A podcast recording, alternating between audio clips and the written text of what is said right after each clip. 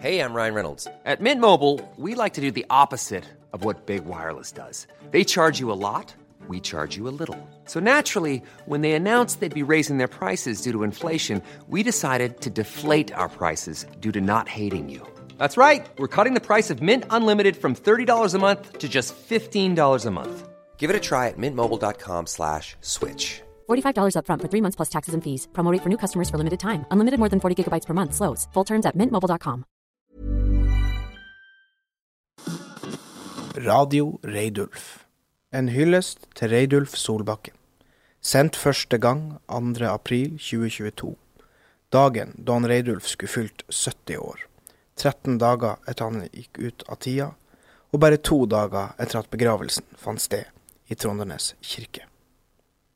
Produsert av Radio Harstad og Rock mot rus i samarbeid med Radio Nord-Norge. Ansvarlige produsenter er Svein Spjelkavik, Tommy Vandalsvik og Jitze Butink. I tre episoder, hver på 23 minutter og 20 sekunder, skal vi bli bedre kjent med mannen som skapte Radio Harstad. Som forandra livene til så mange unge harstadværinger. Og som lærte opp og inspirerte klubbfolk i hele Nord-Norge. Bli med oss på en reise i tid, der du blir bedre kjent med en ung Reidulf gjennom et møte med en medelev fra barneskoletida. Vi lover at dere skal få møte et spøkelse som er ualminnelig glad i brus. Og vi snakker med artister som han Poppa-Lars fra Tungtvann, han Simon Dankertsen og hun Irén Reppen. Og med hun Nina Einem og Karoline Ruggeldal, journalister som starta si fartstid i Reidulfs lære hos Radio Harstad. I denne første episoden starter vi med slutten. Det er torsdag. Våren har ombestemt seg. Marka er igjen dekka med snø. Og det eneste som nærmer seg langsomt ifra sjøen, er to MTB-er, eller missiltorpedobåter, som det heter. Det øves i nord, og det er krig i Europa. Men de mange som rett før klokka halv elleve er på tur hit, ser ei gammel kirke speilt i hav. Vi står utafor ærverdige Trondenes kirke. Det er den siste dagen i mars 2022. Ingen vet helt når kirka ble bygd. Den kan være så gammel som 1000 år. Men det vi vet er at grunnen til at vi er her i dag, er for at vi skal ta farvel med en klippe i nordnorsk kulturliv. Reidulf Solbakken, radiomannen, ungdomsklubbpioneren. Han som lærte hele Nord-Norge om klubbdemokrati. Han har sin siste dag her blant oss. Bli med inn i kirka. Der inne sitter vi trygt. Kirkeveggene her er av stein og mer enn to meter tjukk.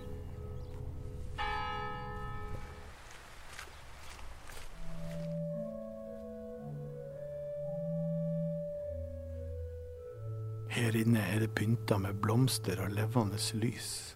Kom, vi setter oss sammen med noen av dagens Radio Harstad-folk på nest bakerste benk.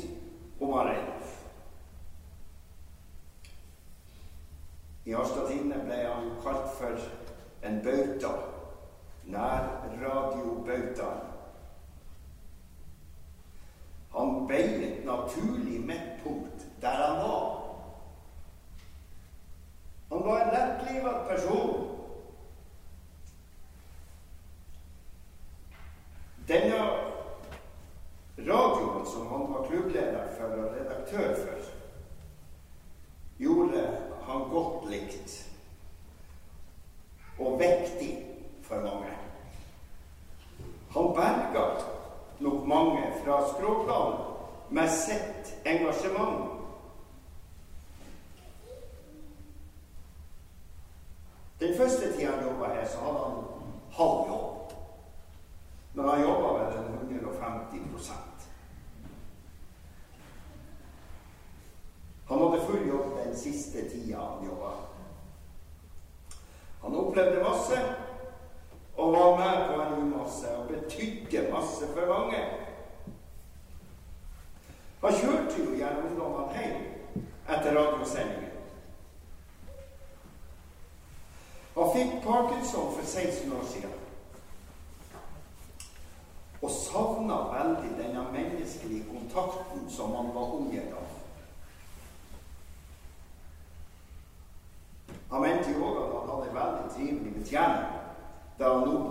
Slutten. Men han savna å være i aloen.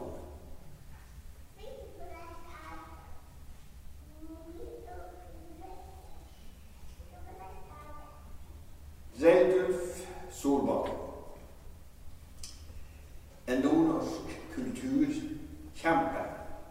Han gikk ut av tida natt til søndag 20. mars i år. 13 dager før han skulle ha runda 70 år. Lørdag 2. april. Om to dager. Reidulf han var ungdomslederen som forandra Klubb Nord-Norge. Han var mangeårig redaktør i Radio Harstad. Denne helt spesielle ungdomsradioen som han sjøl grunnla sammen med venner i Sentrum fritidsklubb i 1984. Reidulf mottok den aller første Willy Oftedals ærespris i 2011.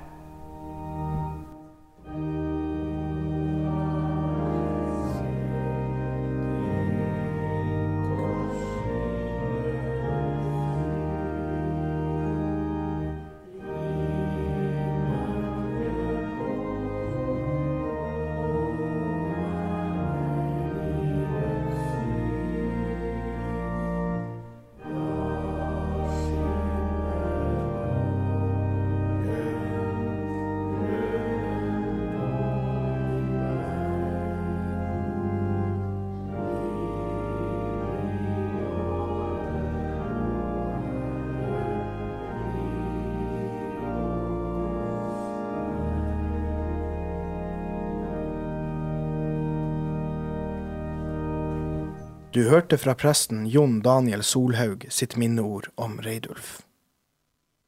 Simon Dankertsen ble spurt av familien til Reidulf om å bistå med det eneste musikalske innslaget i begravelsen. Her forteller han Simon om sitt møte med Reidulf og Radio Harstad, og framfører sangen han sang for Reidulf. Jo, 2007-2008, eh, rundt den tida. Um, hvordan jeg fikk vite om Radio Harstad, det, det kan jeg ikke huske i det hele tatt. Um, men jeg stilte opp ned på rådhuset i NB og kom fort inn i miljøet og ble jo fort eh, godt tatt imot av det miljøet som var der, og spesielt selvfølgelig han Reidulf og, og de som jobba der, som var der fast. Eh, og da han Reidulf fikk eh, fant ut at jeg spilte musikk òg, at jeg var interessert i å spille gitar og, og, og synge og sånn, så, så eh, var det hver gang det var en happening. Eh, nok om det var en feiring på, nede på Peppers Pizza, eller om det var eh, bare små fester, så ble jeg spurt om jeg kunne stille opp og spille og sånn. Så han var veldig eh, han var veldig glad i å bruke meg til sånne ting, og det tror jeg Eller jeg tror ikke. Det har hjulpet ekstremt mye sånn både på selvtillit og føle at det jeg gjør, er bra. Og, ikke sant? Så han har liksom alltid vært en sånn motivator. Han var en av de som dyrka det som ble superkrafta di. Liksom. Ja, og kanskje i de viktigste årene òg. For det var inngangen til Det var, det var starten av ungdomsskolen. Og eh, jeg hadde lyst til å spille i band. Og jeg hadde en kompis som heter Edvard Sundquist, som også hadde lyst til å spille i band. Og vi fant hverandre. Og vi spilte jo liksom Vi var et band, jeg og han. Spilte Tenacious D-covere, og vi eh, ble jo i Harstad omtalt som Simon and Guitar Funkle. Og liksom Det var kjempestemning. Og eh, da husker jeg at um, Rock mot rus, det, det, jeg tipper det var 2008. Da eh, ville vi også delta på Rock mot rus, men vi, vi var et år for ung. Men da hadde min mor tatt kontakt med deg, Svein, og, og ordna sånn at vi fikk lov å være med rockebussen til Radio Harstad opp til å, å spille. La, meg bare si at det var helt rett av meg. Det var helt rett. To bra, veldig bra musikere som jeg hadde masse glede av etterpå, så det var helt rett av meg. Vi skal til eh, Trondenes eh, kirke, og eh, vi sitter der, jeg og Tommy sitter i lag i benkene sammen med gjengen fra Radio Harstad, og så uh, hører jeg He Ain't Heavy, He's My Brother, den geniale Hollies-bangeren. Mm. Uh, og det, jeg hører med en gang det er du. Det, det, er din stemme som kommer fra galleriet. Og det er klart som blekk, og det er ikke det, det, flakker ikke med blikket, det hører jeg jo ikke, men i hvert fall stemmen er bare på plass. Hvordan gjør du det? Det Er begravelse og du skal synge en Du skal være liksom det eneste artistinnslaget. Hvordan, mm. hvordan gjør du det? For at du ikke liksom skal plutselig bare bli for tjukk i stemmen? Ja, nei uh, Det er et rart ord å bruke, men liksom Heldig for min del så har jeg kontakt med begravelsesbyråene i byen og har spilt en del begravelser. Og har uh, litt mer liksom fått et litt annet forhold til begravelser enn kanskje folk flest har. Uh, det, liksom, det, blir en blanding av en jobb og uh, Men samtidig så er det å spille begravelser en veldig sånn Det er en veldig fin ting å gjøre, for at du, du gir jo alle som sitter der, og familien, du gir dem jo en uh, for, for, noen som trenger kanskje Som har lyst til å gråte og føler at det, det, kan, være, det kan hjelpe på det. Det kan hjelpe dem å gråte litt. og kan og alle sånne følelser er godt å få ut, spesielt på en sånn dag. Og man blir veldig sånn Du får aldri et sånn nakent publikum som i en begravelse. Så man blir veldig sånn Du føler jo at du blir en del av den familien der og da. At man deler et sånn Man deler sorg, og man deler kjærlighet på en sånn veldig sånn rar måte du aldri får opplevd noen andre plasser. Veldig fint sagt, og jeg tror det var jeg tror det var veldig mange som kjente at akkurat det var et punkt man trengte. Uh, Simon, du har tatt med deg rett og slett uh, låten hit til oss. Mm. Uh, dette er en uh, versjon du har spilt inn før vi var i, i, kirka og tok farvel med han Reirulf. Fortell om den innspillinga her. Um, det var egentlig Jeg gjorde den innspillinga fordi um, jeg hadde valgt å legge låta i en annen toneart. Og jeg kjente ikke låta så godt fra før Altså, Så til øving så tenkte jeg at det var best at jeg spilte inn den versjonen som jeg blir å spille, sånn at jeg kunne øve til den. Så det her er egentlig et opptak jeg gjorde i hjemmestudioet mitt. Eh, helt bare jeg og kassegitaren foran en mikrofon, og så ja. Det er rett og slett forberedelsen og øvinga til begravelsen til Hareide? Rett og slett. Men jeg, jeg syns egentlig det ble eh, Ja, jeg syns det representerer veldig sånn Ja, det ble veldig rett, da. The road is long with many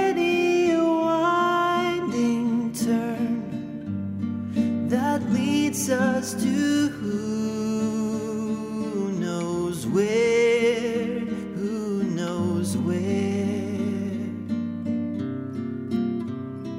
But I'm strong, strong enough to carry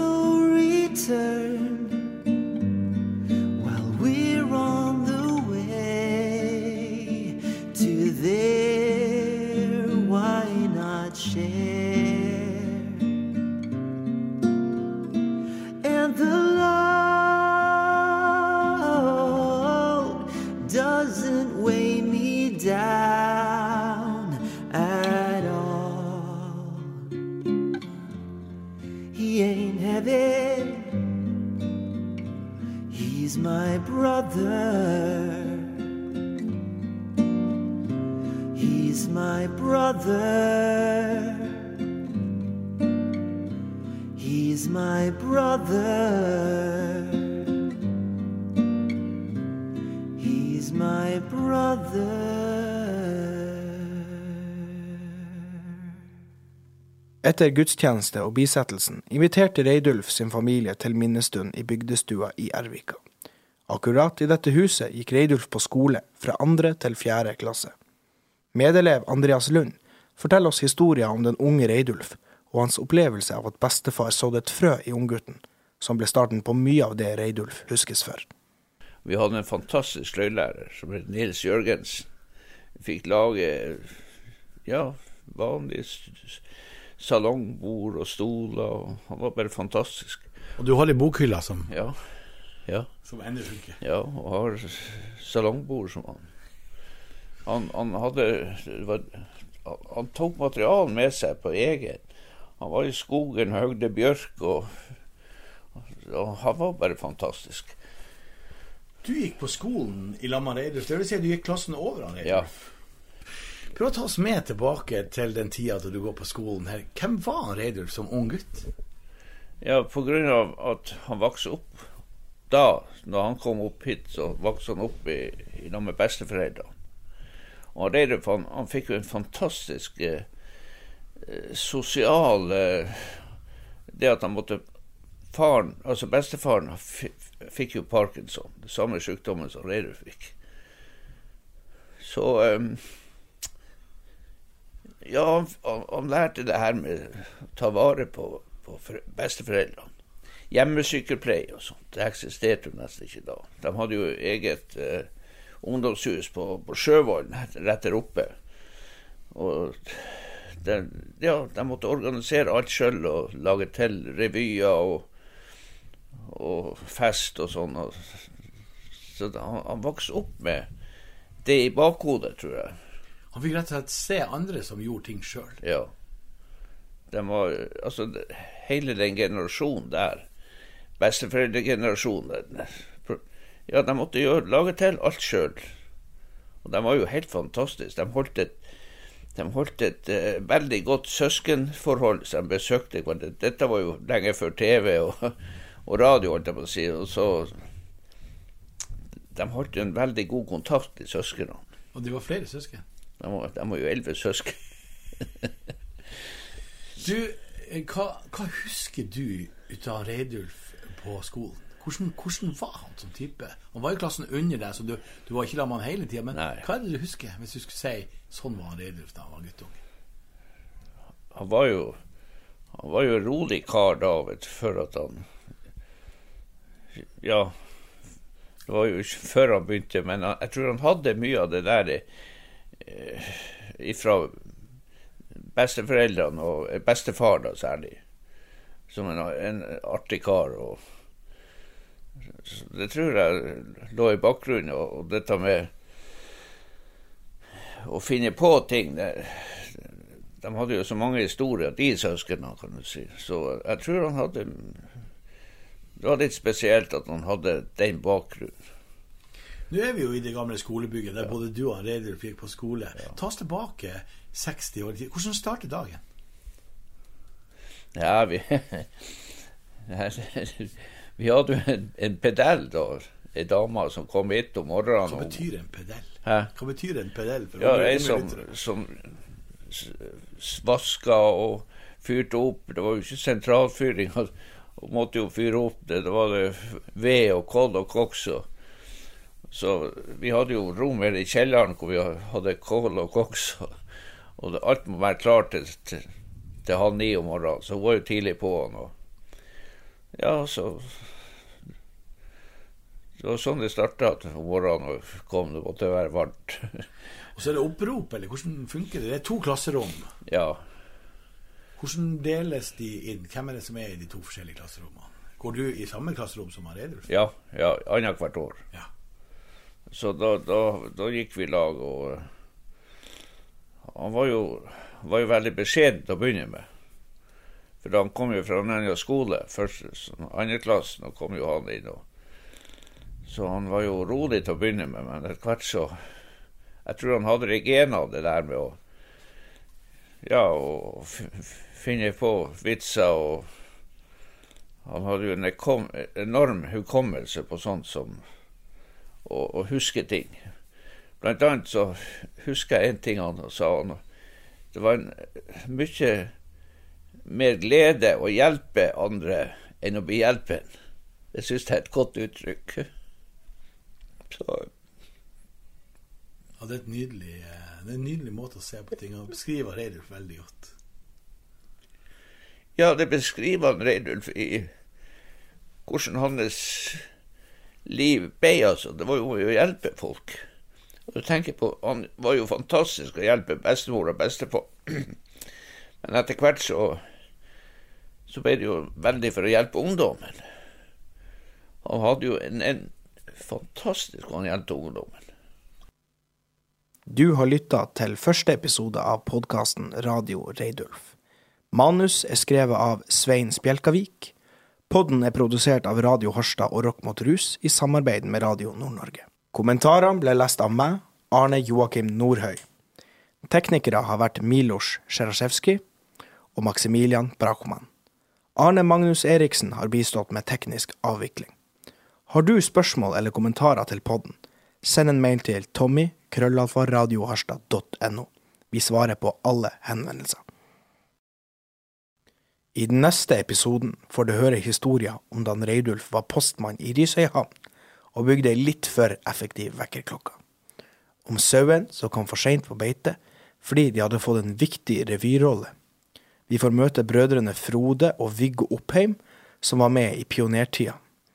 Skuespiller Irén Reppen medvirker, og Anniken Solveig Larsen Nymo deles i sterke historier om hvordan Radio Harstad og han Reidulf Solbakken berga livet hennes. Og til slutt i episoden får du høre den smått utrolige historien om spøkelset på ungdomshuset som var så glad i brus, og hvordan hærverk ble til rekruttering av nye medlemmer i ungdomslaget.